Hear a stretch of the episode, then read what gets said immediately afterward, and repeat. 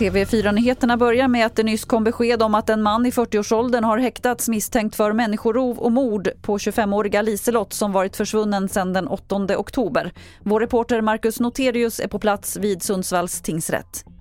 Mannen är då eh, på sannolika skäl misstänkt för mord och människorov. Men åklagaren var ju ganska eh, knapphändig med, med uppgifterna kring den här utredningen. Men vi vet ju att man har gjort fynd på den här platsen vid den här byggnaden som ligger då i Kramfors kommun. Men vad det är för fynd, eh, det vill inte åklagaren berätta om. Lite så kan man väl sammanfatta den här häktningsförhandlingen.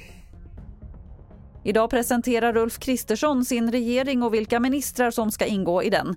Det pågår just nu och det verkar som att KD kommer att få fem ministerposter och L fyra enligt uppgifter till TV4 Nyheterna. Man kan följa regeringsförklaringen på TV4 Play eller på tv4.se.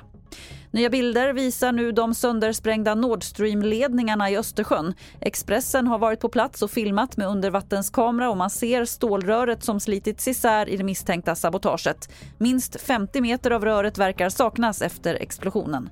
Fler nyheter hittar du på tv4.se. Jag heter Lotta Wall.